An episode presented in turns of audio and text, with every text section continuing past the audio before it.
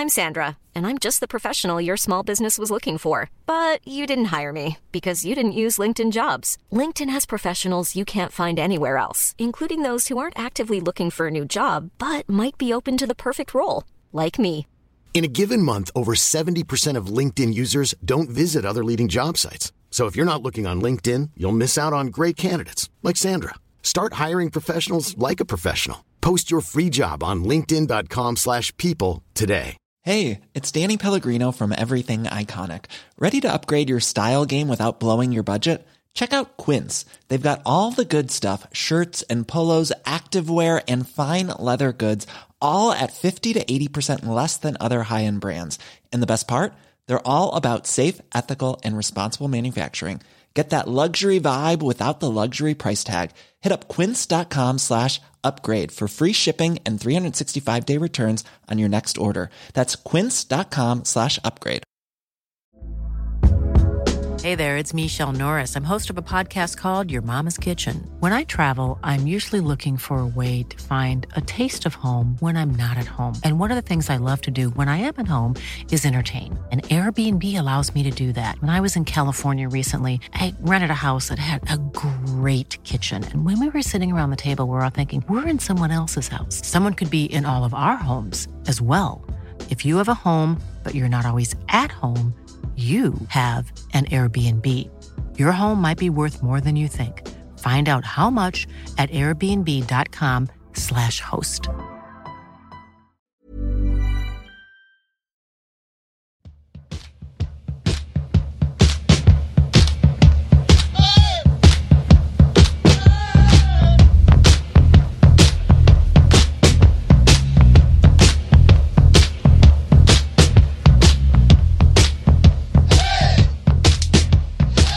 Hej och välkommen tillbaka till Poddplats H, en podd om hockey i allmänhet, sport i allmänhet och IF Björklöven i synnerhet. Hur är läget med Josef Häggblad? Hörru du, det är ganska bra. Jag har ju fått ihjäl säsongens första gris i alla fall, så det är ju, eller årets. Så det var ju då bra det. Det är ju... Mm, um, Hornady GMXen gör ju jobbet. Det var kultypen för den som inte vet det. Kopparkulan. Varför jublar du inte? Ja, skit i det. Eh, nej, men det är ganska bra. Jag ska inte eh, klaga utan det är snart är allsnö borta och det är ju börjar vara vårfeeling. Jag har eh, lånat mig en häcksax och ska försöka gå loss på häcken runt tomten här innan. För det kommer gå snabbt. Blir det bara lite värme så blir det ju grönt och allt möjligt. Men hur är det själv? Jo, men det är bra. Jag börjar repa mig från förkylningen faktiskt. Det har varit lite segdraget, haft så här huvudvärk och annat och lite känningar i halsen, men det har som börjat försvinna nu, så det känns faktiskt väldigt, väldigt, väldigt bra. Och så. Eh, annars är det väl fina fisken tycker jag. Det är ju sportlovet står för dörren för ungarna och då brukar man ju själv försöka passa på att vara lite ledig och så där. Så det, det är väl fint tycker jag. Och så.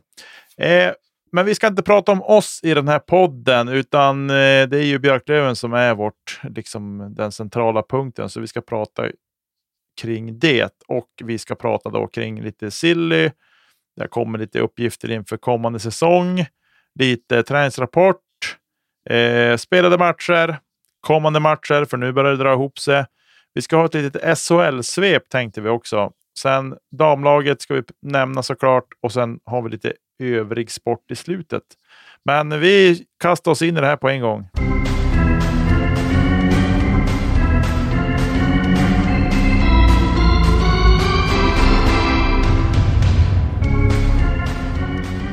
Vi börjar väl med lite sillenheter som har trillat ner som jag tror för många lövare eh, liksom inte har gått dem förbi. Eh, men en, eh, ja, ska vi säga, finsmakarsläkt. Oskar Tellström som nu idag spelar i Mariestad eh, verkar vara på gång in till Björklöven enligt uppgift. Eh, och eh, det är ju en otroligt spännande spelare. Vad säger du kring det Josef? Ja, nej men alltså det är ju såklart det är Johan Tellström, Johan Jonssons son, som tillbaks i tiden spelar i Björklöven. Um, det sägs ju då, det är fullt möjligt att vara sagt det förut för hundra avsnitt sedan, att eh, Bingo Micke, Rest in Peace, han hade fått frågan för några år sedan om...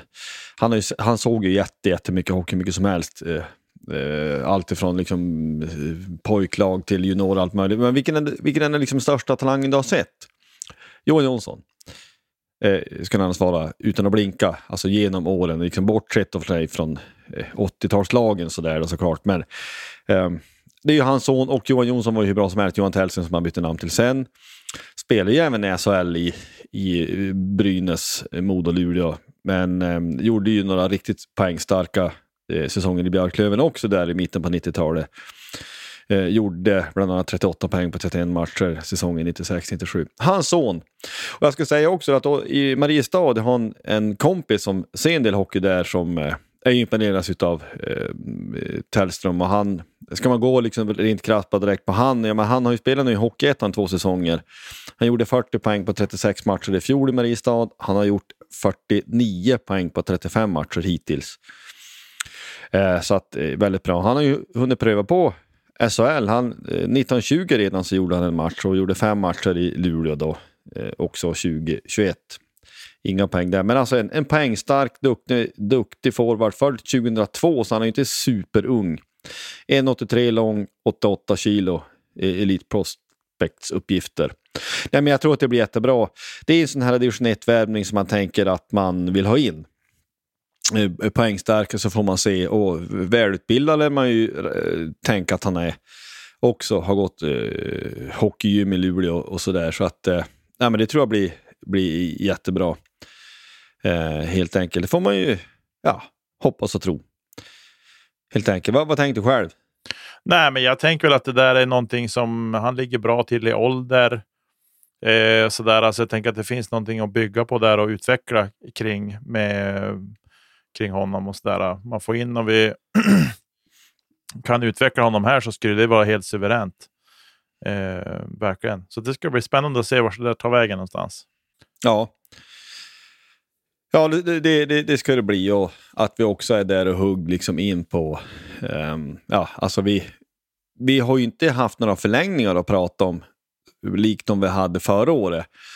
Eh, och eh, nu vet vi inte utgången av den här säsongen än, men om det går som vi tyvärr har farhågor till så kommer vi inte gå upp kanske.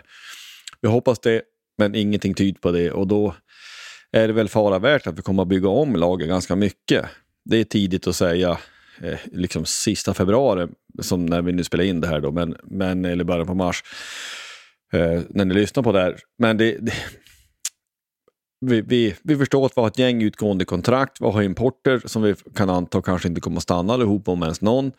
Så det ska bli intressant att se vad vi kommer att få för lag nästa år och då tycker jag Oskar Terström är ett perfekt namn in.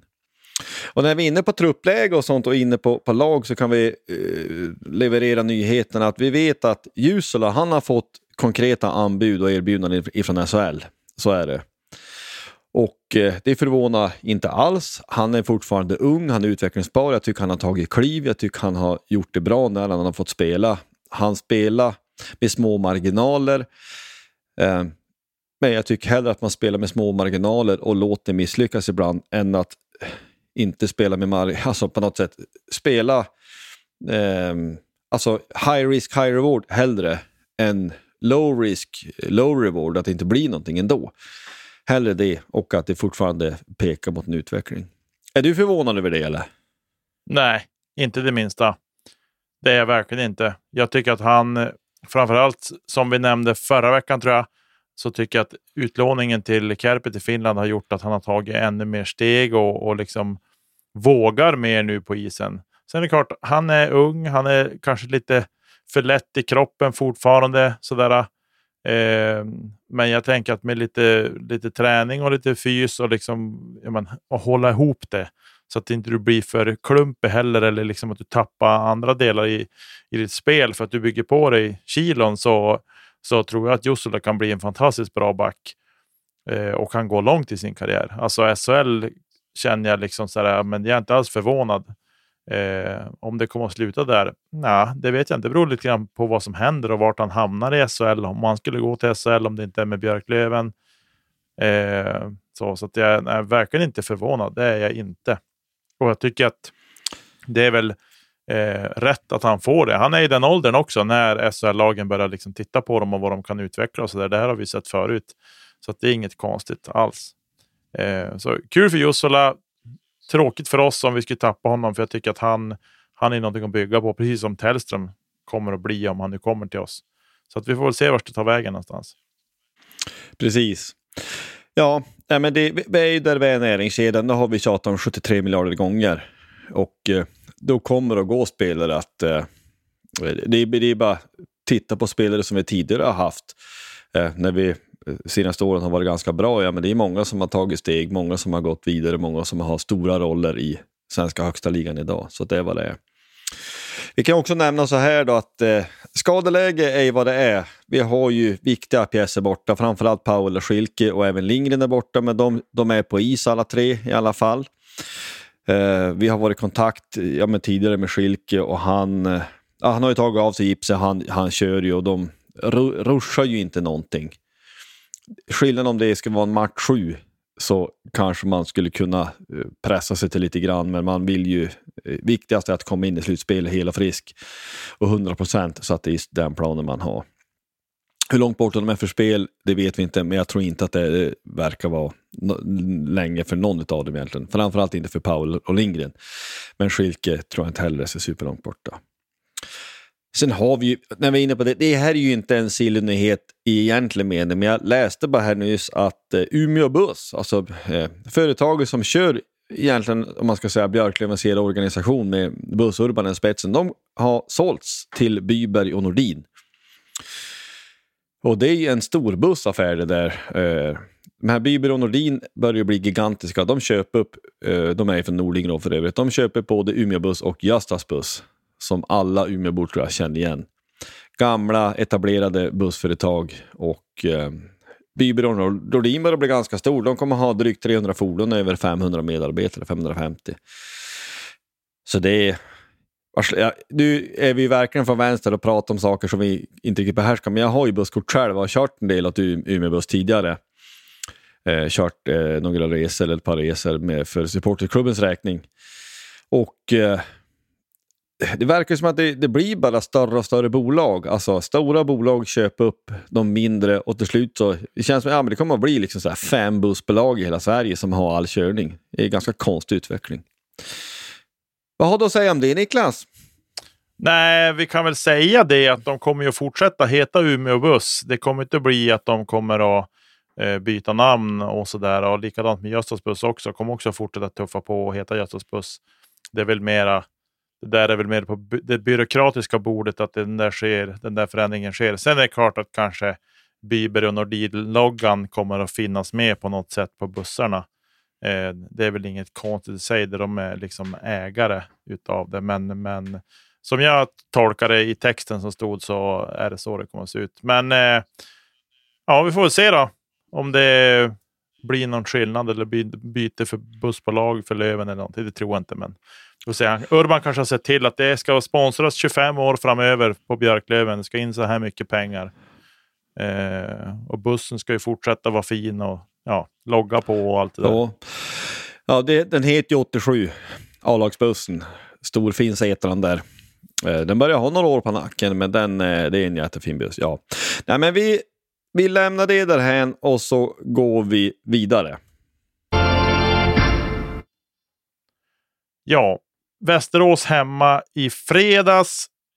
Eh, på Vimpos.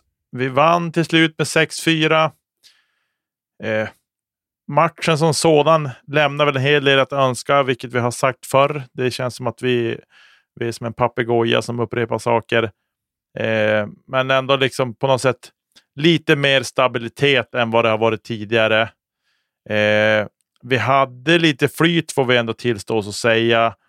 Västerås gjorde ju 4-4 och det målet videogranskades eh, och tog sen bort på grund av att eh, Västeråsspelaren påverkade eh, Jona i mål.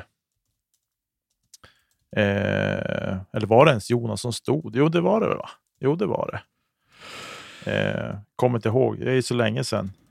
Men... Eh, ja, no, nej, men det var, det var Jonas som stod. Ja, eh, målet var bortdömt i vilket fall. Eh, efter att han hade varit på plockhandsken tror jag det var. För pucken gick in precis där och då dömde de bort det. Eh, så det var väl någonstans så här, jag tyckte att det var, om man tittar på det lite objektivt så tycker jag att det är, det är ju hårfint alltså. Det är ju verkligen, verkligen, verkligen hårfint. Men det är det Jonas står i målgården helt och hållet eh, och är ju inte utanför på något sätt och det är det som gör att det döms bort. Så det var ju hårfint. Eh, men tacksamt för oss, för vi lyckas ju då hålla undan. Eh, för det blir 4-4, då vet man inte riktigt vad som händer. Men vi fick ju istället göra 5-3 om jag inte missminner mig innan vi då till slut stängde igen. Det, de gjorde ett mål där i slutet, men vi lyckades ju hålla. Vi gjorde till och med 6-3 också. Killen gjorde ju två ja. mål i öppen kasse där. Precis. Nej, men alltså... Eh, ja.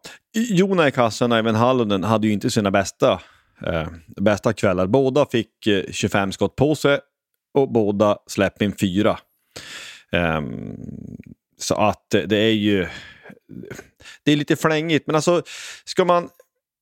Den här matchen, det är precis som du säger som det ofta blir, att när det blir lite mer matchtätt och matchintensivt så är det lätt att man har den senaste matchen närmast, eller de senaste matcherna. Sen så uh, går det, alltså det är någon vecka sedan vi pratade om en match, att det är så lätt att man har det som är närmast, närmast så att säga.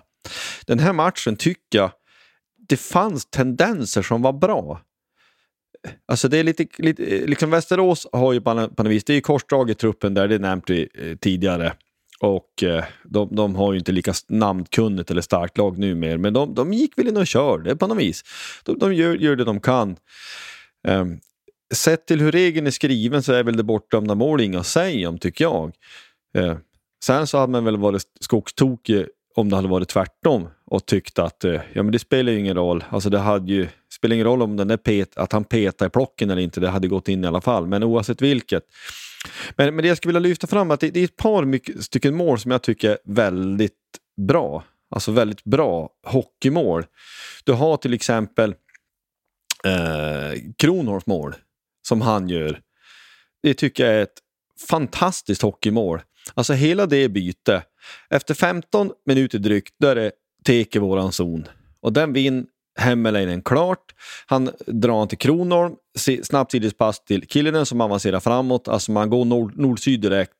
Han vickar axeln och så slår en snett diagonalt framåt till Hemmeläinen som tar en puck in i zon. Pass tillbaka till Killinen som tar avslut. Det är liksom ett gammaldags dragskott, så bara det gör ju att ögat torres nästan. Men Morris han tar ju den där, han styr, styr, styr ner med stöten ner i hörnet. Hemmelainen suger upp den där. Killinen sen upp på Kronholm och tajma Killinens skymning framför kasse perfekt så att deras målvakt då Hallonen, han ser ingenting. Så att, men från, från tekvinst till vi gör mål, inklusive ytterligare ett avslut, är det 16 sekunder. Alltså då spelar vi så här snabbt som jag tror att vi vill och som vi också kan. Det är, jag, jag tycker att det är ett superbra mål. Um, likadant Freddans mål tycker jag är ganska bra, eller väldigt bra.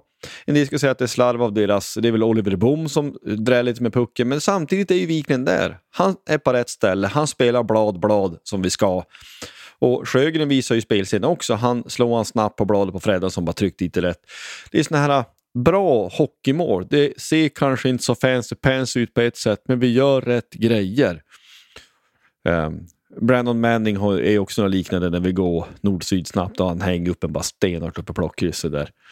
Men eh, vad har du att säga mer? F för min del lite för flängigt för att man ska vara riktigt nöjd. Och att, också att vi släpper in fyra på hemmaplan känns ju inte superbra. Nu, nu vinner vi och det är tre poäng in, jättebra, vi gör en del bra grejer. Fortfarande är ju defensiven för klen. Men ändå. Men säg något.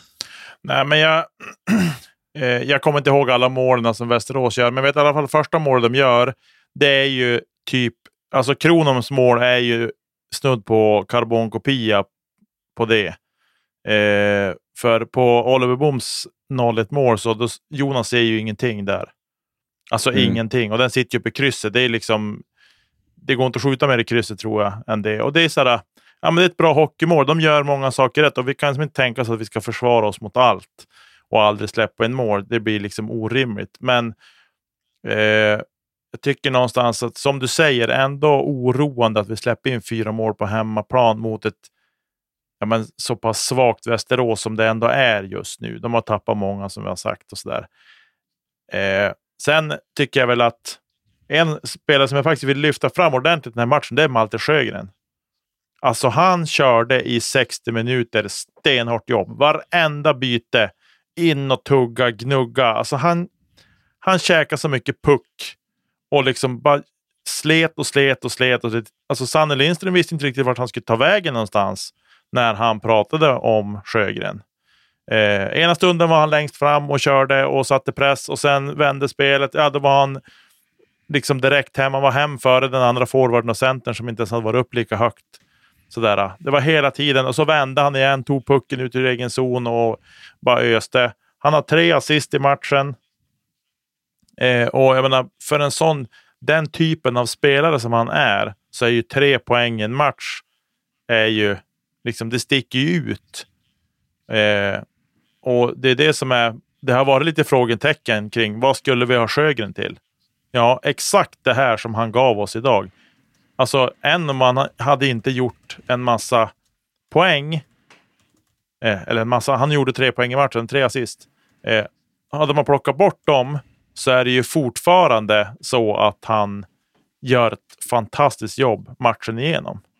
Sen är det klart, han liksom, det plussar ju på med, med liksom poäng för honom att han gör de där tre assisterna också. Men jag tycker att det är väl värt att tänka att det är just det här han ska göra han är en energispelare som ger energi till andra spelare som kan gå ut. Alltså han, han går på något sätt i bräschen fast att han inte har den rollen eh, på så vis. Men han ser till att vi får teckningar i offensiv zon, åkerbyte, vi får sätta in offensivt lagda spelare.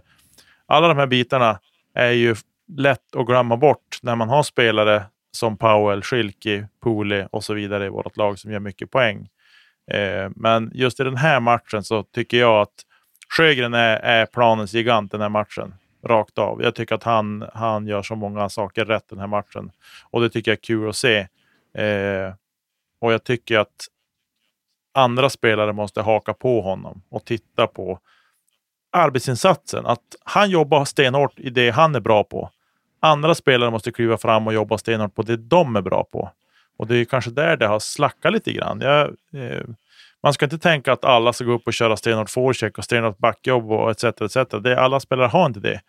Men de har många andra kvaliteter som man vill att de ska plocka fram och använda mycket, mycket, mycket mer än vad de gör. För jag känner någonstans är handbromsen i och det är lite på för många spelare. Men just den här matchen så sticker Sjögren ut med sitt hårda jobb eh, och det ska lyftas fram. Ja men verkligen. Ja, men jag tror vi knyter upp den matchen så. Det, det är precis så. Alltså vad är man bra på, vad är man dålig på? Det, liksom, det är ju liksom, det är laget som sådant. Alltså det är ju helheten som gör det. Det är helheten som vinner matcher. Tre poäng in och det är väl gott så. Sen så går det en helg och så är det måndag och så möter vi Södertälje borta. En match som jag var på. Ja du. Torsk 3-0. Vad va har vi att säga om den saken? Ja, jag tycker att precis som så ofantligt många gånger för så gör vi en bra första period. Den är rätt bra. Vi vinner skotten med 11-9. Vi har ett powerplay där första PP är inte bara bra, det är riktigt bra. Alltså det är, det, vi har lite skador då på liksom med Schilke och Powell som sagt, men det är med, med Pole Olofsson och gasarna. Vet du, det är ju bara ogjort. Jag tycker vi, vi, vi gör ett jättebra PP. Allt utom mål. Sen är det ju bara första PP i den här matchen som överhuvudtaget levererar. Det få gånger vi, vi hade en man mer. Andra PP lyckas inte etablera egentligen någonting. Um, och det är ju något man skulle kunna säga mycket om, men vi kanske lämnar det därhen. Men vad den här matchen tycker jag säger, när vi förlorar med 3-0, det säger någonting om Södertälje vi, med det manskap vi har, alla har vi det man ska vara. De har inte Vedell med till exempel, så vi, det är inte bara vi som har toppspelare som är borta. De vinner 3-0, de vinner helt rättvist. Thomas Scholl är bra i målet, men vi är ju... Vi, vi bränner ju någonting enormt med lägen. Det säger någonting om dem, det säger någonting om oss, men framförallt tycker jag att det är helt rättvist. Det är ingenting att säga om. Södertälje vinner rättvist. De håller nollan. Det är inte bara att det är liksom råflyt utan jag skulle säga så här, den här, den här matchen, Södertälje och även Djurgården som vi ska prata om nu. Det visar exakt på hur, hur tabellen ser ut. Det är så här det är. Vi är sexa. Det är sexan mot ett bättre lag och då ser det ut så här. Det är hyfsat jämnt, vi gör en bra insats, men vi räcker inte till. Södertälje är bättre än oss och därför så vinner de och därför så, så släpper de inte in något heller. Jag tycker ju att det som, alltså första perioden tycker jag någonstans sätter lite prägel på matchen. För vi har mycket av spelet i första perioden, tycker jag. Och vi, för, vi förtjänar väl, eller ja, förtjänar vi förtjänar kanske en eller två kassar i första perioden, tycker jag. Eh, deras 1-0 mål är ju en råflyt, och de har, men tyvärr är det så här också. Man kan tycka att det är råflyt att de skjuter i sargen. De missar mål, den går i sargen bakom och den studsar ut helt perfekt till Marcus Eriksson som kom på andra sidan och kan liksom stöta in den bara i tomt mål. För Jona har ju gått ut mot skytten i första läget och sen skjuter han utanför den studsar ut perfekt. Det är liksom så här. Eh, det blir lite så här. Det tar ju luften ur för att det känns som att de fick inte jobba för det målet på något vis. Det är ju ett mentalt tufft mål att få emot sig. Eh, men sen liksom efter det så är det som att hämtas väl aldrig riktigt. Det blir som aldrig någonting som som sen eh, ja, men som går att bygga på liksom energimässigt och sådär. Eh, och jag tycker också en sak som sticker ut. Det är ju att det, vi skjuter ju något så mycket kosmiskt i plexit.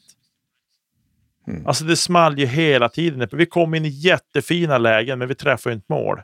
Alltså vi utmanar ju inte målvakten någonting för huvudtaget. Han behöver åka ut två och en halv meter från målet. Och sen då får vi liksom panik och så skjuter vi upp i plexit hela tiden. Eh, och det är ju också en sån sak som är, det där är ju självförtroendestyrt också. Precis, att... vet, det är exakt det jag tänkte säga. Ta powerplay till exempel, det är ett par lägen, Olofsson, eh, eh och nu hänger inte ut han. Vi, vi har ju, kan man ju säga, vi har hängt ut han lite förut, alltså för flera, flera veckor sedan. Men han har ju haft bäst utveckling av forward nästan ja, Sjögren lite som du nämnde, men alltså han har ju blivit stadigt bättre senaste två månaderna eller något sånt. Det, det måste man säga. Men alltså det här med självförtroende, för det är något läge där nypan till direkt. Men han, man ska ta fast den och det ska vara lite mer kontrollerat. I mer självförtroende, då, då, då tänk du inte, då går du nog på instinkt mer. Du tänk mm. vid någon tiondel extra och sen så eh, drar vi an, som du säger, då är det lättare att du missar nästan när du ska tänka så mycket. Utan nyp direkt så, så blir det nog blir nog bättre. Och jag skulle säga deras 1-0 också, det är ju, måste vara någon kommunikationsmiss mellan Kim och Kronholm är det väl. För jag tycker att de går ihop, de går liksom på samma gubbe. Och så blir det att, eh, ja, det, det, är ju flyt som du säger med studsar, men det är också att vi är ju, ur, vi är ju inte riktigt rätt har inte räknat hem rätt heller så att det blir ett blad ledigt. Jo, men det eh, som är också, det vi ska säga kring den situationen är ju att Kronholm är ju där med Eriksson, men han är ju som inte vaksam på vad som händer. Det är det som är grejen. Han kan ju vispa bort den där pucken, men han, det är som att han är ju för tam i, i det arbetet också. Och är lite, lite, lite grann efter också, vilket gör det svårt. Eh, men det är såna här saker. Det är sånt här som definierar bra lag också på något vis. Att de gör de där målen. Medan vi gör dem inte just nu, för vi är inte, vi är inte tillräckligt bra. Vi har ett fantastiskt bra hockeylag på pappret, men vi är inte tillräckligt bra och vi är inte liksom tillräckligt där. Vad det beror på? Ja, men vi är rätt överens om vad orsaken är till att laget inte liksom får ut den kapacitet det besitter. Men någonstans är det också det här med att Ska det vara den stora skillnaden att vi har borta våra två bästa spelare? Är det det som är liksom lösningen på allt? Att när de kommer in, då kommer vi börja vinna matcher och vi kommer gå upp till SHL. Är det så enkelt? Så jag tar det alla dagar i veckan om det är så att vi går upp. Men allting pekar på att vi inte kommer att gå upp. Alltså jag, jag känner mig ytterst tveksam till att vi ens tar oss förbi kvartsfinal. Om jag ska vara helt ärlig. Mm. Ja. Nej, men det, det, de här frågorna som vi har, det här resonemanget vi för, vi kommer ju att få svar. Men det är ju bara slutse, slutfasen av serien nu och sen så börjar slutspelet. Och då, då lär vi ju få se. Men eh, andra perioden är inte så mycket att säga om. Det är en klar försämring från Björklöven tycker jag. Vi, vi är klart sämre. Vi får ett eh, flyt för eh, Emil Alba. Mats Albas bästpojken drar han över sargen. Så vi, men det PP gör vi ju inget vettigt utav tycker jag. Eller ja, vi gjorde inte mål i alla fall. Tredje perioden är ju lite stökig får man ändå säga. Alltså vi får ett boxplay emot oss. Det är Poli som får en kanske billig förhållning. Det här måste också sägas, alltså vi, jag tycker rent i stort, vi, i den här poddens historia har vi gnällt så mycket på domare och jag tycker för de allra flesta gånger har vi gjort det med all rätta. Det här var en sån här utvisning som, den är inte felaktig. Men det är de här som du inte har blåst för tidigare under två perioder som är frustrerande. Sen så är det ju så, alltså Weigel är ju en humörspelare. Han är en som är han kan vara liksom rätt kass in i ett slutspel, men man vet liksom att han förmodligen kommer höja sig, så det är man inte orolig för. Men det är ju onödigt att han drar på sig en abuse. Han blir ju bänkad efter det här. Och det tycker jag är intressant. Osmanis kom in och gör det väl gör det ju bra. Osmanis är ju för övrigt en spelare som jag tror kommer att bli väldigt, väldigt bra. Åtminstone på hockeyallsvensk nivå, kanske ännu mer. Men vad har du att säga om det? Alltså det finns ju någonting bra i att det någonstans är så att du kan inte bete dig hur som helst och ändå få spela. Eh. Men det, det, det försämrar ju Björklövens chanser i den här matchen. Det är klart att det gör det. Säg något. Nej, men alltså det som är med, med sådana där saker, att man bänkar spelare. Det är klart att man tycker att man, man blir, alltså i det läge vi är, att man bänkar en så pass bra spelare som, som Weigel. Men någonstans är det också så här, man måste markera mot saker som sätter laget i skiten. Eh, det, man brukar säga det att, att utvisningar i, i offensiv zon, det är strängeligen förbjudet. Det är inte alls bra. Eh, att man tar för en tripping. Så är det i defensiv zon, ja, det är en annat. Då har man liksom en annan, andra glasögon på. Eh, och jag tycker någonstans i det här, om jag tänker utifrån ett tränarperspektiv, där jag själv är tränare och har gjort en sån där åtgärd, så tycker jag att, att det är rätt och riktigt. Eh, just för att det är serielugn fortfarande och det är inte slutspel. För det kan vara någonting som, det sänder ju inte bara signaler till Weigel, det sänder signaler till övriga gruppen också. Att man måste liksom, man kan inte göra vad som helst. Eh, och jag tycker ju, det som är, det som är intressant är det här, Polis utvisning, den är svinbillig. Det jag tycker är intressant i det här också, det man ska ha med sig. Vi har inte klagat alls mycket på domarna den här säsongen tycker jag. Eh, det som är, är ju att domarna blir ju också trötta under en match. Eh, och kanske inte har samma... Eh, ja, men de, de har inte samma påslag hela tiden, även fast vi förväntar oss att de ska ha det. Men det är en sån där grej som gör att ja, men det kanske dippar lite grann och att han är lite för ivriga att tycka att Nej, men det där måste jag ändå beivra på något sätt. Fast att, som du säger, de har släppt mycket under matchen. Eh, inte på något sätt en urs alltså för att ursäkta domarna, men en orsak till att det kan bli billigare utvisningar ju längre matchen lider, tyvärr. Eh, men jag tycker att just det här med att man tar en abuse of officials utan att veta vad han har sagt eller någonting så, eh, så är det ju sjukt onödigt. Och någonstans här så måste jag tycka att det är rätt att man gör det. Åtminstone bänka ett par byten kan man göra för att markera. Nu, satt, nu spelar han ju ingenting mer, men det, vi åkte väl dit och hade liksom gott om spelare med oss. Och det gick att få till det ändå, så vi hade folk på plats på alla positioner ändå. Eh, så att på så vis ingen fara på taket, men Ja, det är svårt det där. Det är svårt. Alltså hade det varit Freddan eller någon annan, alltså någon som inte spelar lika mycket i offensiva lägen, ja, men då kanske man hade resonerat annorlunda och tyckt att ja, men det är väl helt solklart. Men i det här fallet så är det, det är lite svårt och det märker man direkt. Man är lite ögontjänare för att han besitter offensiva egenskaper som man vill dra nytta av. Men ja, det är jättesvårt. Det är inte så enkelt som man kan tycka. Nej, det, men att det är Eh, som jag säger, jag tror ju att det kortsiktigt försämrar Björklövens chanser i den här matchen. Men kanske långsiktigt, över flera matchers tid, om, om han eh, i bästa fall snäppa upp sig. Även resten av laget också snäppa upp sig. Att det spelar ingen roll om du är en förment första center eller andra center. Här, här har vi rätt attityd. Vi, vi beter oss som vi ska. Och det är ju bra. Sen så menar det, vi, vi kan ju tillåta oss, och det, vi gör det också, tillåta oss att fundera kring det, men vi, vi har varit, varit starkt kritiska till att, att Stråle överhuvudtaget är kvar. Eh, han skulle ha bytts ut för länge sedan enligt oss. Eh, vi har ingen aning om han har tappat ett omklädningsrum eller inte.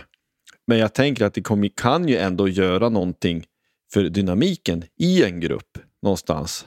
Alltså respektera resten av laget, eh, Stråles agerande när han bänkar Ja, men det kanske är något som gör att han får med sig laget också, alltså att de respekterar att han tar sånt här eh, inom citationstecken kontrover kontroversiellt beslut. Att fler tycker att det är egentligen onödigt att käfta till sig någonting. Eller så är det helt tvärtom. Liksom, vad håller han på med? Nu, nu, kan vi ju inte vända matchen ordentligt, typ. Kanske någon också tänker. Jag vet inte, alltså det är precis som du säger, det är inte så svartvitt, utan det finns så många aspekter i det här. Eh, men det är inte första eh, abusen han har dragit på sig, så att till slut så kanske det är droppen som får bägaren att rinna över. Eh, vi förlorar i alla fall med 3-0 och jag tror Weigels bänkning eller inte har inte så stor betydelse för matchutgången. Eh, SSK de var en storlek för stor den här kvällen, så jag tror inte att det hade haft någon betydelse. Eh, och med det så tror jag att vi tar och stänger den här matchen, så sen så tar vi nu eh, Djurgårdsmatchen då, som nu var den senaste, senaste vi spelade, eh, som vi också förlorar. Vi lyckas peta in ett mål 6 mot 5, men det betyder då, vi förlorar med 2-1. Det betyder att vi har spelat sex perioder i, om nu Södertälje räknas i Stockholmsområdet, de skulle själva kanske protestera, men låt säga vi spelar sex perioder mot två lag ovanför oss i tabellen och vi gör ett mål. Vi förlorar båda då såklart och eh, jag is inte säga det, det som vi säger, men nu är för sig det kanske, ja, vi spelar ganska bra, men vi får inte utdelning. Vad säger du? har vi sagt det förr vill du mena? Eh, det har hänt. nej, men det är väl... Eh, jag alltså det här är ju någonstans... Eh. Life is full of what ifs. Some awesome. Like what if AI could fold your laundry? And some, well, less awesome. Like what if you have unexpected medical costs? United Healthcare can help get you covered with Health Protector Guard fixed indemnity insurance plans. They supplement your primary plan to help you manage out of pocket costs. No deductibles, no enrollment periods, and especially no more what ifs. Visit uh1.com to find the Health Protector Guard plan for you.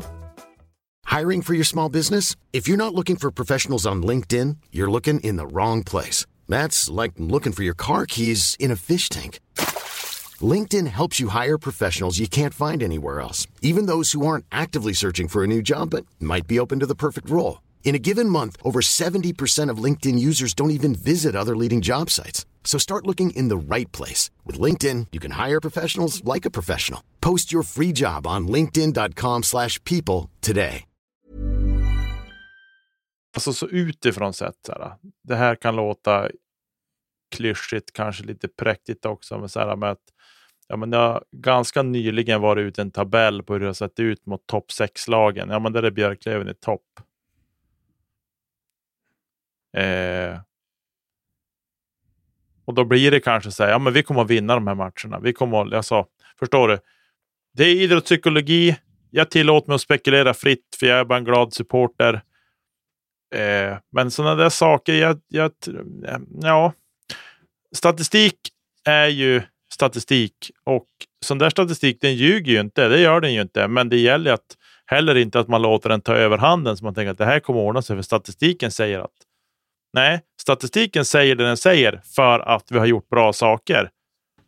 Vi gör inte tillräckligt bra saker i matchen mot Södertälje eller i Djurgården. För att vi, det var samma sak mot Djurgården också. Det är small i plexit. Mm. Nej, men alltså, jag, jag, tycker så här. Jag ska säga att här har Niklas Weber klivit in eh, och står ju här. Um, det är ju lite oroväckande runt Jonas hälsa, måste man säga. Alltså, han har varit borta lite, han verkar... Det, det är inte riktigt 100 procent där. Och um, vi kan väl också säga så här, det här säger vi inte för något hö, hö, hö, men alltså, vi, vi hör ju saker, vad som händer och inte säger, men vi, vi säger inte att för det blir sånt ryktesspridning. Men den här matchen, andra perioden till exempel, det är en av de bättre perioder vi har gjort under hela säsongen, vill jag påstå. Den är jättebra. Vi vinner skotten. Eh, 14-12, säger inte allt om allt, men det säger något om något. Vi har två powerplays som är rätt okej. Okay. Återigen så är det ju första PP som är bäst. Andra PP är ju lite bättre. Här tycker jag också att det är minst två powerplay till som vi ska ha med oss. Och eh, Det här med att vi, vi gnäller mindre på domare. Nej, men det, jag tycker också att det är en klar förbättring utav alltså den generella domarnivån hittills. Jag tycker att den har blivit klart bättre. Det, det, det, tycker jag. Och det är inte, jag, jag, tror inte jag är ensam om att, att eller att vi är de ensamma, enda som tycker det här. Men det är ju en till exempel, det är en hög klubba på, eh, på Hemmelainen som får han klubban rätt upp i näbben. Och han gett väl lappa ihop honom och visade om de syddan eller vad det var. Och sen så är det ju eh, det är ju ett par moment innan Liss mål. Eh, är det väl. Ja, tajmingen, återigen, det här borde man kanske ha sett i efterhand. Men i alla fall, det är en, det är en hakning som är solklar. Han är uppe med, med klubban eh, på, på Freddan, vem den är. Och det tycker jag, det, det är heller ingenting att diskutera om. Det är en solklar utvisning, punkt. Det är ingenting att diskutera. Sen så missades det säkert åt andra hållet, men de två är solklara som vi inte får med oss. Um, men, men, men i synen av sist så tycker jag att det är en rättvis seger. Vi pröv, det är precis som du säger, vi, vi missar mycket eh, och så utsätter vi ju inte Viktor Andrén för supermycket prov. Vi skjuter totalt 31 skott och vi lyckas ju knövla in en där i slutet då, eh, 6-5. Det är ju Fredrik Weigel då som, som drar eh, sätten där. Då. Och det är ju jämnt och Kurt Pole har en utsidan stolpen där i slutet. Men det räcker ju inte. Ja, för Djurgården har också en i, minst en i virket är det väl, eller en i ramen. Så jag tycker att det, det är ju målmässigt jämnt men chansmässigt tycker jag det är klar fördel till dem. Och eh, vi är lite för runda. Försvarsspelet ser ganska bra ut. Deras 1-0 är väl lite klent. Eh, det är väl inte minst Mustonen och ja, det kanske någon till där som man, man boxar inte ut ordentligt. Men alltså vi släpper vi släpp in två mål mot Djurgården borta. Vi släpper in eh, få mål med Södertälje också. De avgjorde matchen match med en öppen bur, så det är två mål med, med, lika, med, med, med målvakt på plan. Så försvarsmässigt är det inte så dåligt. Det är offensiven det här klickar i. Det, det funkar inte att vi, vi producerar så fruktansvärt lite framåt. Och det är lite så vi måste sticka in nosen mer. Det måste göra lite mer ont, lite rakare, grisa in returer och lite sånt. Återigen, jag tycker att det här är matcher som är så likt många andra där insatserna som sådan är inte helt oävna, men vi vinner ju inte. Och därför så, det är inte tillräckligt bra. Och här är det någonstans i synen med sista tycker att ja, men en tabell efter snart 50 matcher, den ljuger aldrig. Det är exakt så här.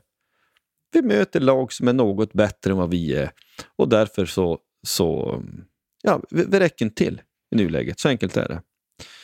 Mm. Knyta ihop det här Ja, jag skulle ju säga det att det är just det här som också som kan vara så knäckande mentalt att du gör jättebra insatser men du får inte in puckyslingen.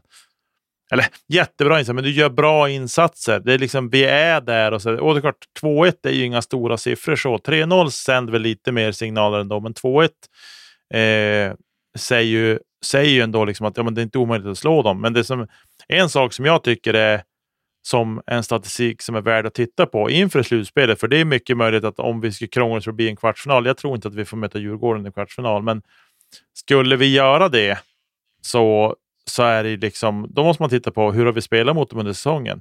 Vi har vunnit en match på övertid. De har vunnit alla andra på full tid mot oss.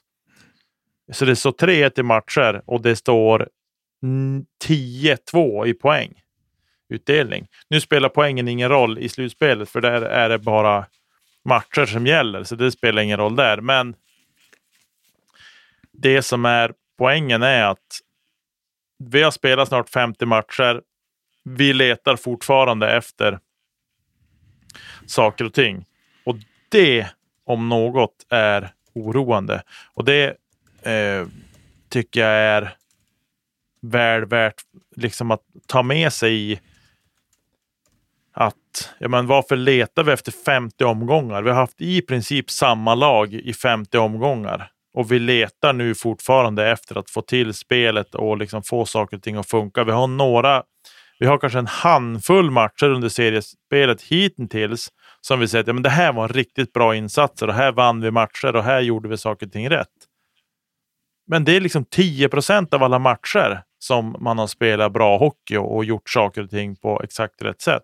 Det tycker jag känns alldeles för lite utan att vara hockeytränare. Jag känner att man måste ju upp på vara över 50 procent med de där insatserna för att man ska liksom vinna. Vi ska inte ta någonting från motståndarna, men om man kan räkna dem på en hand, antalet insatser som har varit bra och vi spelar som vi ska efter 50 omgångar. Mm, det sänder lite risiga signaler tycker jag. Mm. Ja, jag håller med eh, Men eh, som sagt, vi knyter ihop det där. Vi torskar tyvärr de här två bortamatcherna. Nu har vi en tuff match hemma eh, som vi ska komma till och prata om nu. Mora hemma som sagt och det är ju ingen lätt match alls på något sätt. Sen har vi AIK hemma eh, nästa onsdag och sen då åker vi och spelar sista omgången borta mot Västervik en fredag i mars. Det känns ju som att det måste bli en klang och jubelföreställning utan dess like. Men den matchen ska vi prata om i nästa veckas avsnitt. Eh, men vi tar matchen här nu närmast då. Mora hemma. Jag, jag hyser en enorm respekt för eh, Johan Persson och Daniel Ljunggren. Eh, det är två spelare som jag har väldigt stor respekt för och som jag tycker är jobbiga att möta Eh, för Björklövens del. Som supporter är det jobbigt när vi möter dem. Jag har, har otroligt stor respekt för dem. Sen har de väl några fler spelare också som är otroligt duktiga som man känner så här, oh, det här blir obehagligt. Och jag menar, de ligger där de ligger i serien eh, av en anledning. Ja, men de har ju eh, seriens kanske bästa målvakt tillsammans med oss. Alltså det är ju, de har ju, alltså de bygger ju så otroligt skickligt. Alltså de tuffar på och vad ska man säga, gör liksom sin grej, om man ska säga så. Jag tycker det är så otroligt imponerande hur man lyckas på något vis göra saker år efter år, fast de kommer ju att tappa mycket. Nu har man kanske gått ner lite i räddningsprocent, den här Valtteri Ignatjev, men ändå. De hittar någon målvakt som är, som är jättebra. Uh, ja, det var lite rörigt kanske. Nej, men, Mora är ju likt alla andra lag i Hockeyallsvenskan i någon mening, men alltså man är där man är i näringskedjan. Men de bygger ju någonting lite i det tysta.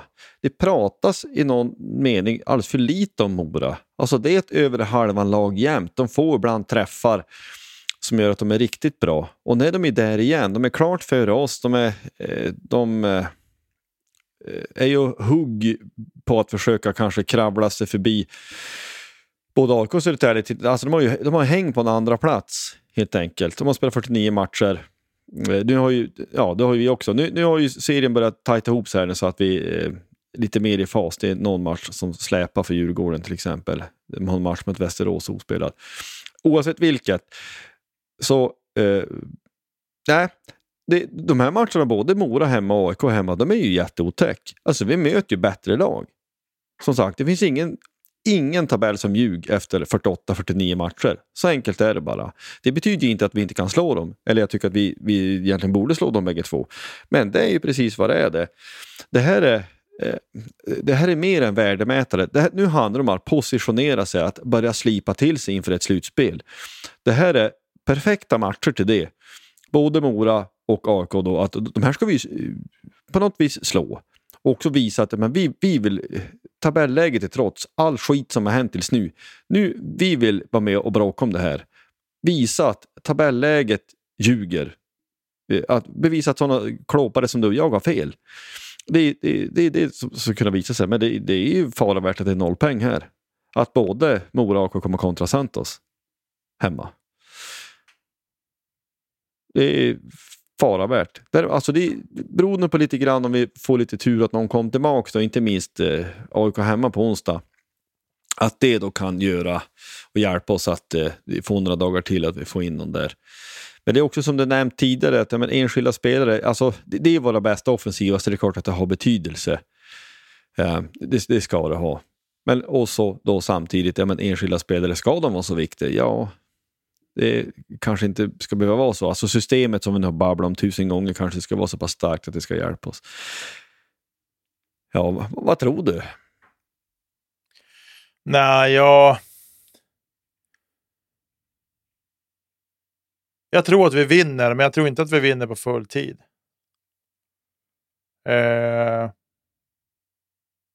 Och det är det som är... Alltså vi behöver ju nu liksom... Med maxflyt. Om vi vinner nu liksom tre raka matcher. Och tar nio poäng av nio möjliga. Då landar vi på 88 poäng. Där ligger AIK just nu på tredje plats med 88 poäng. Det vill säga att vi har Mora och Djurgården just före oss. De har 85 bägge två. Att de ska nollas ut, det ser jag som en liten chans att de kommer. Jag tror att de kommer att ta någon poäng. Eh, sådär. Ja, jag, jag, jag ställer in på att vi kommer att sluta sexa, alternativt sjua. För det ska vi ha med oss också. att Karlskoga de är fem poäng bakom oss. Vinn de nu fredag kväll och vi torska. Då är det två poäng med två matcher kvar att spela. Vi de kan har ligga... spelschema vi, också ska vi säga. De är, de är Tingsryd närmast till exempel. Ja, så att vi kan ju, vi kan potentiellt spela en, liksom en åttondelsfinal. Och vilket känns, känns helt absurt att vi pratar om åttondelsfinal ens. För jag menar, titta på BIK Karlskoga. De låg länge i botten på tabellen i höstas. Men har ju liksom på något sätt lyckats klättra uppåt i tabellen. Nu är de fem poäng bakom oss. Ett ja, så starkt lag som Björklöven är. Ja, men alltså de öppnar ju säsong med sex raka torsk. Mm. Det är 18 det, det poäng. Kanske... Ja, det, det, ska inte behöva säga så mycket mer. Alltså vi är 24 poäng från serieseger, är det väl? Eh, det, det, det, det säger alldeles för mycket. Ja, 24 poäng är det. Vi är 24 poäng efter. Vi gick ju för serieseger. Alltså det, vi, vi vet av tidigare erfarenhet och det sades också att vi ska vara där. Vi är inte ens i närheten. Och det, det är det som gör att, alltså det vi är inne på, alltså luften har ju nästan gått ur. Redan innan ens slutspelet börjar. Jag hoppas, det är som vi säger, vi hoppas att vi har så enormt snabla fel. Men det är ju att absolut ingenting talar för att någonting helt plötsligt ska ändras in i ett slutspel. Så enkelt är det. Ingen tabell ljuger så här, med så här lite kvar. Vi är sjätte bäst i Hockeyallsvenskan. Vi är inte bättre. Jag tycker att vi skulle kunna fått ett mer, till och med mycket mer ur truppen. Men när vi väljer att inte ändra på ledarsidan, vi väljer att inte vända på varenda steg som, som går, utan nu kör vi på det här. Så vi, vi har sagt det många gånger som helst, vi har långt över hundra matcher med, med det ledarskap vi har i Båse. Jag tycker vi har sett nog mycket för länge sedan för att veta exakt vad det är vi får. Jag förstår liksom inte tanken att ja, men nu helt plötsligt ska vi börja få till det vi inte har fått till mer än under enstaka matcher som du säger, under en hel säsong. Jag förstår inte hur vi resonerar. Jag tycker att det är supermärkligt. Jag, jag, jag fattar, fattar verkligen inte hur, hur det här eh, liksom resonemanget är. Och att eh, jag, eh, jag fick ett mejl skickat till mig av en, en vän som i sin tur hade skickat det till Björklövens ledning. Och bara citera, han, det, han säger exakt det som många tänker tror jag. Där han bland annat säger att det, man är liksom orolig över ja, men hur det har blivit. Är vi helt utan checks and balances till exempel? Alltså kommunikationen där det är tusen miljarder mejl som det känns om försäljning och allt annat möjligt. Men hur, hur, man har inte kommunicerat ordentligt. Hur ser vi? Hur resonerar vi runt ledarfrågan till exempel? Vi, vi pantsätter ju någonstans framtiden. Vi spelar ett väldigt högt spel när vi nu går in i ett slutspel med ett, ett starkt ifrågasatt ledarskap. Låt säga att det här på något mirakulöst, mirakulöst, mirakulöst sätt, du hör jag kan inte prata ens, vänder Ja, men jag har sagt jag ska, jag ska stycka så mycket vildsvin och ge bort så du anar inte. Men det finns ju ingenting som, som tyder på den saken. Och sen så tycker jag att det med ansvarsutkrävande och märklig kommunikation där man gräver fram någon underliggande stats som skulle stödja ens tes. Jag tycker att det är för dåligt. Alltså, och det, det, det konstaterar han också. Det, det, tycker jag är väldigt bra skrivet. Hur tänker man? det är som att det, den här kommunikationen har syftat till att försvåra ansvarsutkrävande snarare än någonting annat. Man kan liksom inte säga att säsongen hittills är ju ett haveri. Jag, tyck, jag tycker en sjätteplats kan man inte säga någonting annat är ett, ett eh, haveri. Ja, vi, vi lämnar det, det därhän, men, men i alla fall knyta ihop det här. Vad tro, va, slut, slutfasen av serien. Vi kommer att kunna summera grundserien eh, senare, men nu också lite grann. Ja, men jag tycker så här, vi kan väl nästa veckas avsnitt kan vi prata riktigt, för då tror jag vi kan, vi kan nog spå vad som kommer, hur det kommer att sluta på något sätt och kommer att se än om vi kommer att ha en omgång kvar. Då. Så det blir först veckan efter det när vi då sen ska gå in i slutspelet och hela den biten. Eh, men jag håller med dig i, och det som sagt och det är även det som är skrivet i mejlet. Det är otroligt intressant eh, resonemang. Eh, och sen om vi tar, nu möter vi Mora och så möter vi AIK hemma. Det är två tuffa matcher. Men jag tycker då liksom att vi har gjort bra insatser. Eh, mot AIK har vi, har vi liksom, där har vi de har vi spelat bra mot. Sådär. Men det vill ju till nu. Det är ju på ett sätt, precis som du säger, det är perfekta matcher att spela för det är tufft motstånd och det är snart slutspel. Så det är bra. Det blir som en värdemätare. Eh, och sen tänker jag också, åka på bortaturné till Västervik. Ganska tråkig match, fattar det, men det är också en prövning för gruppen inför slutspelet. Eh, och jag menar, det kan ju vara en sån match, vi måste vinna för att klara sjätteplatsen ens. Det vet vi inte. Men eh, som sagt, det är för mycket saker som hänger i luften och som eh, gör att man har alldeles för mycket frågetecken inför slutspelet. Vi kan prata om att men vi vet att jänkarna kommer att steppa upp ett par snäpp när det blir slutspel, för det, det är så de funkar. Att slutspel är då det gäller. Då har de lite mera edge att lägga till. Eh, men problemet är ju alla andra lag i slutspelet har spelare som har den edgen också och som också kommer att steppa upp sitt spel. Vilket gör på så vis att det kan bli en liten status quo. Sen, Power kan komma tillbaka och vara i hög form och göra två poäng per match. Schilke likadant. Ja, men det är klart att det kommer att se mycket ljusare ut. Eh, och vi kanske har en Jonas som håller ihop skitbra och liksom de matcher där vi kan sätta en Sveber eller Thelin, då kliver de in och gör bra insatser också som gör att vi kan hjälpa oss att vinna matcherna. Det finns mycket om och men, men som sagt, den statistiken som vi vilar oss mot, den säger ganska mycket och den sänder inte jättebra signaler.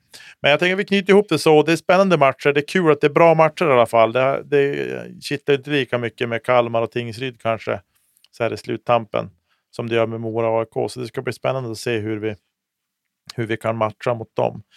Eh, men jag tänker att vi knyter ihop det så och sen går vi på lite SHL-svep.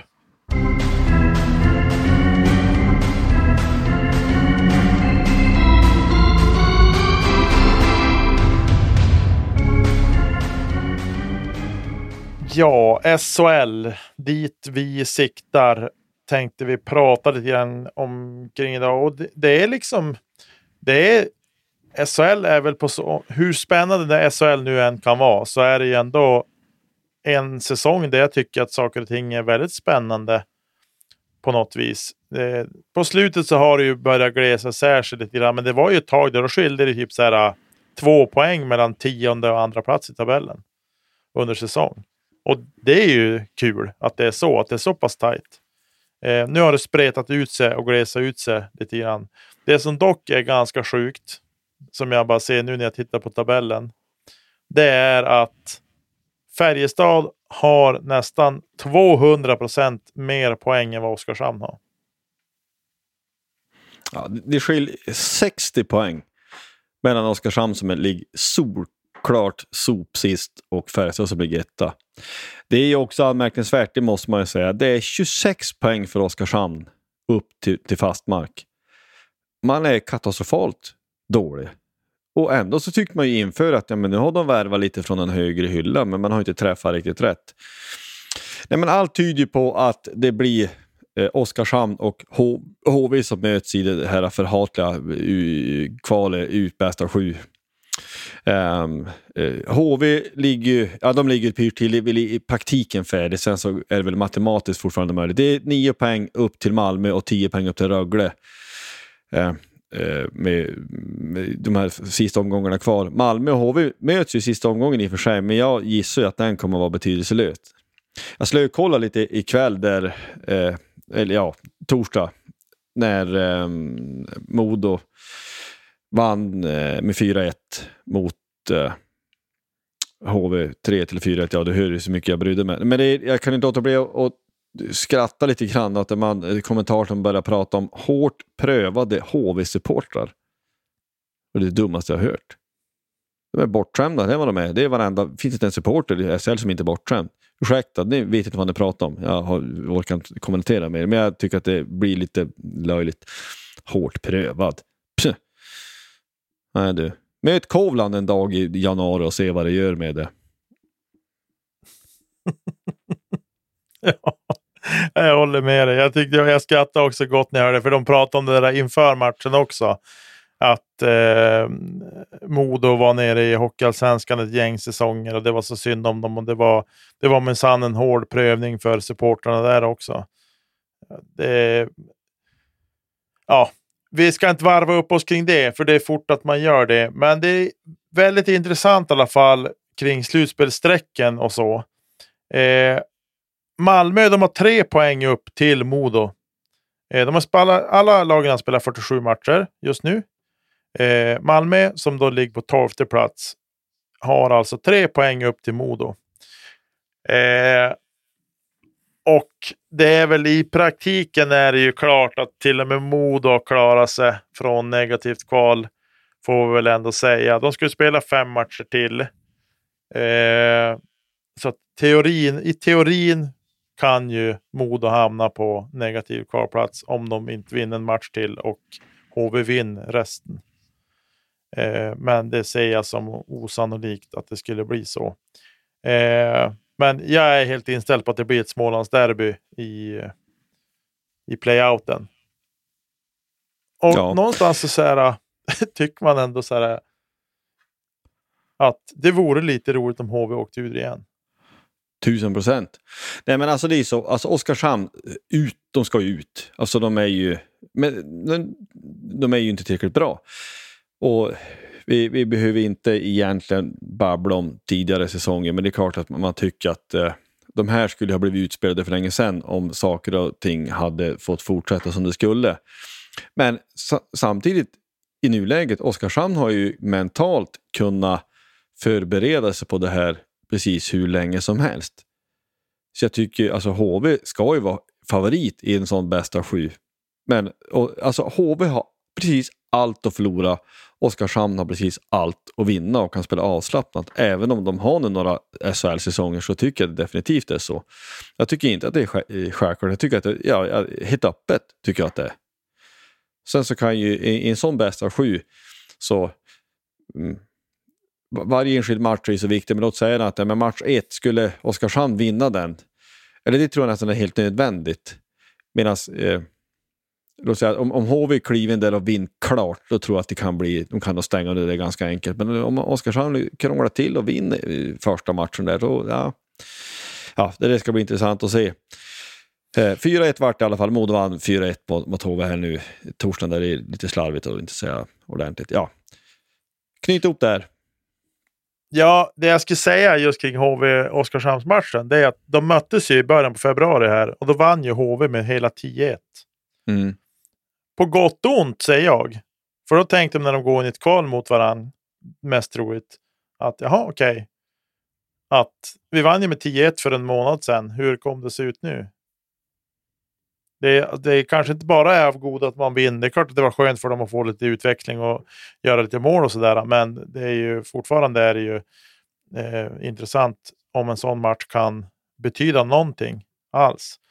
Eh, så det är spännande kring, kring sträckorna. Eh, Rögle med två poäng bakom Modo och det handlar ju om att ta sig till slutspel eller att säsongen är, är, är färdig. Jag tror att Rögle, de kom nog och var liksom bara glada att de har klarat sig, för de har ju haft problem. De sparkade bröderna Abbott och, och så vidare. Och så där. Sen kring eh, slutspelsträcket för att slippa spela åttondelsfinal eller gå direkt till kvartsfinal. Där är det jämnt. Där har vi ju Linköping som är på femte plats. De är fem poäng bakom Frölunda på fjärde. Eh, de är ju bara en poäng före Leksand och Timrå som har 77 poäng var eh, på sjätte, sjunde plats.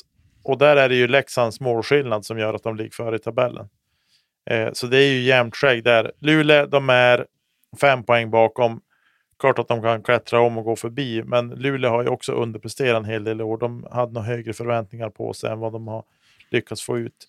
Eh, I toppen så har vi Färjestad, topp tre poäng före eh, Växjö Lakers och sen på tredje plats hittar vi Apstan på 88 poäng.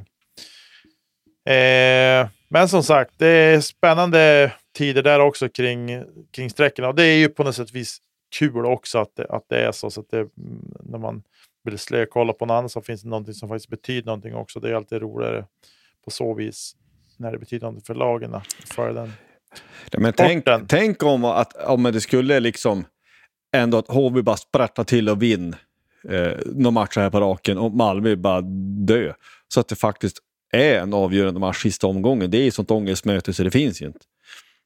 Alltså det är ju, då är det ju roligt för precis alla andra förutom de som gillar Malmö och HV. Men en sån match, den, den, den vill man ju se.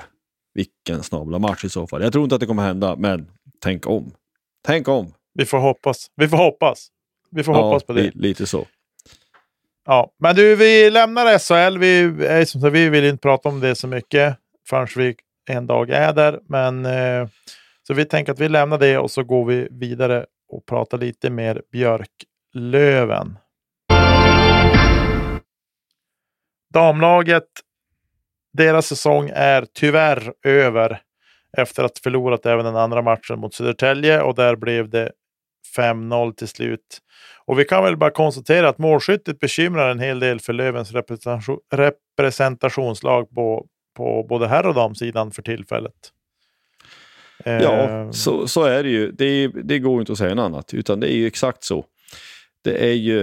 Eh, det, man kan inte säga något annat än att producerar du så lite framåt så kom det ju förr eller senare att eh, det, det, går ju inte. Det är ju lätt att säga, men det, så enkelt är det ju bara. Du, du, det är lite för trubbigt, lite för blött krut när det verkligen, verkligen gällde. Och eh, det är vad det är. de, har, de har gjort det bra utifrån sina förutsättningar ska jag tro. Det var en del omstöpningar i truppen och så. Bita ihop, komma ihop och bita, ja, bryta ihop och komma igen. Men det är lätt att säga och bita ihop allt det här. Ja, vi imponeras ändå över att man, man, man gav det en push men räckte inte riktigt till den här säsongen. Får vi se hur man lyckas skrapa ihop och, och få till nästa säsong. Helt klart. Eh, som sagt, vi hoppas att de får ihop ett starkt lag till nästa säsong så att de kan ge, ge det en riktig push. Och det vet vi som alltid att det handlar om pengar och hur mycket pengar som man satsar in i, i, på den sidan också för att få dem att komma upp. Och då är det ytterligare ett steg sen då att få liksom in mera pengar för att kunna bygga ett slagkraftigt lag och stanna kvar i SDHL också. Så det är inte det är inga små processer som eh, båda lagen ligger i. så. Sådär. Men som sagt, damlagets säsong är över och vi får väl önska sportchef eh, sportchefen lycka till med att bygga en, en stark trupp till kommande säsong. Det ska vi se till att följa såklart. Och så. Men vi lämnar det och så går vi in i avslutningen och går ner lite för landning.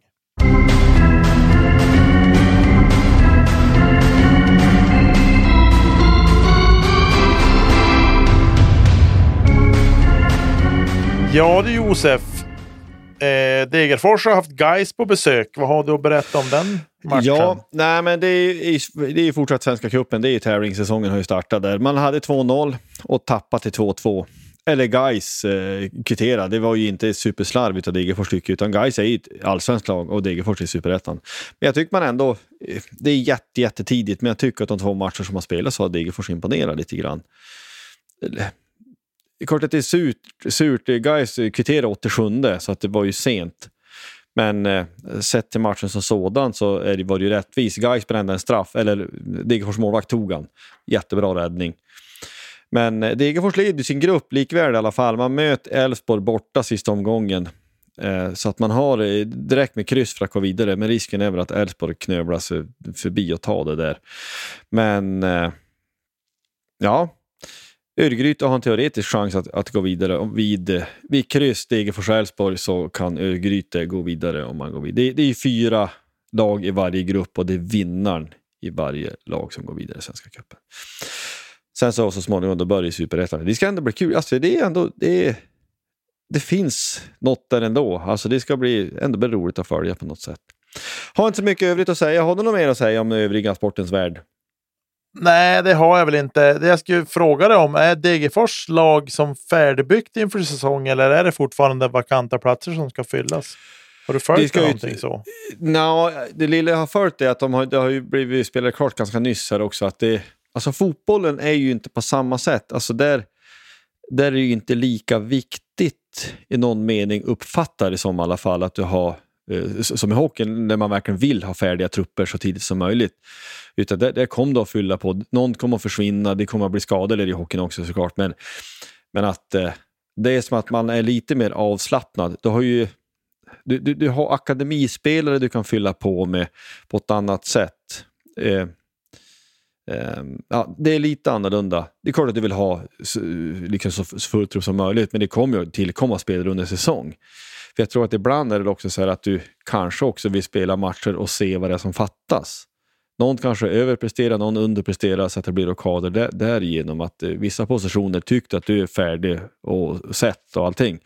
Men det, det, kanske inte går. Så är det någon som drar korsband också så att det blir, eller någonting typ. Då. Mm. Eh, i, I stora hela är jag klar, det, det tror jag. Men det kommer säkert att bli någon liten rockad till, det tror jag också. Vi knyter ihop det så för den här veckan. Vi hoppas såklart på vinster för Björklöven. Vi hoppas på förluster för de lagen som är runt omkring oss så att vi kan knapra igen lite poäng, för det ska vi behöva. Eh, och eh, vill man nå oss så går det jättebra. Man kan mejla oss på poddplatsh.gmail.com. Man kan nå oss på Instagram, Facebook och X där vi heter PoddplatsH. Det är bara att söka på oss där så kan man komma i kontakt med oss på den vägen också. Dela oss med kompisar. Så. Så att vi... Så att, ja, men om ni tycker att vi är bra och värda att lyssna på, då ska ni klart dela oss också. Eh, och det är alltid kul med den återkopplingar som vi får varje vecka från er lyssnare också. Med synpunkter och sådana saker. Inför slutspelet så ska jag och Josef ta oss an att vi ska bygga ihop varsitt Björklöven. Vi ska formera formationer som vi tänker att vi ska, hur vi tänker oss att vi ska försöka ställa upp laget. Eh, och även då sätta ihop powerplay, tänker jag. Boxplay är ju supersvårt, men jag, jag tänker att vi kan ge ett försök på det också. Men framförallt femmorna för fem mot fem spel, ett powerplay som vi tror stenhårt på, eller två powerplay som vi tror stenhårt på, målvakt och hela det här, vem vi vill ska stå. Det tror jag vi båda två är rörande överens. Men det ska vara intressant att se hur vi formerar våra lag. Jag tror att vi kommer att kanske tänka lite olika och försöka, man kommer att försöka tänka utanför boxen lite grann också. För att inte köra fast så. Men det, ska vi, det tänker jag det ska vi göra inför slutspelet, så det blir kul att ta upp det då. Eh, tack för den här veckan Josef. Det här har ju varit en trevlig pratstund tycker jag. Ja, tack själv. Tack för att ni lyssnade och Forza Löven. Hej då med er! Hej,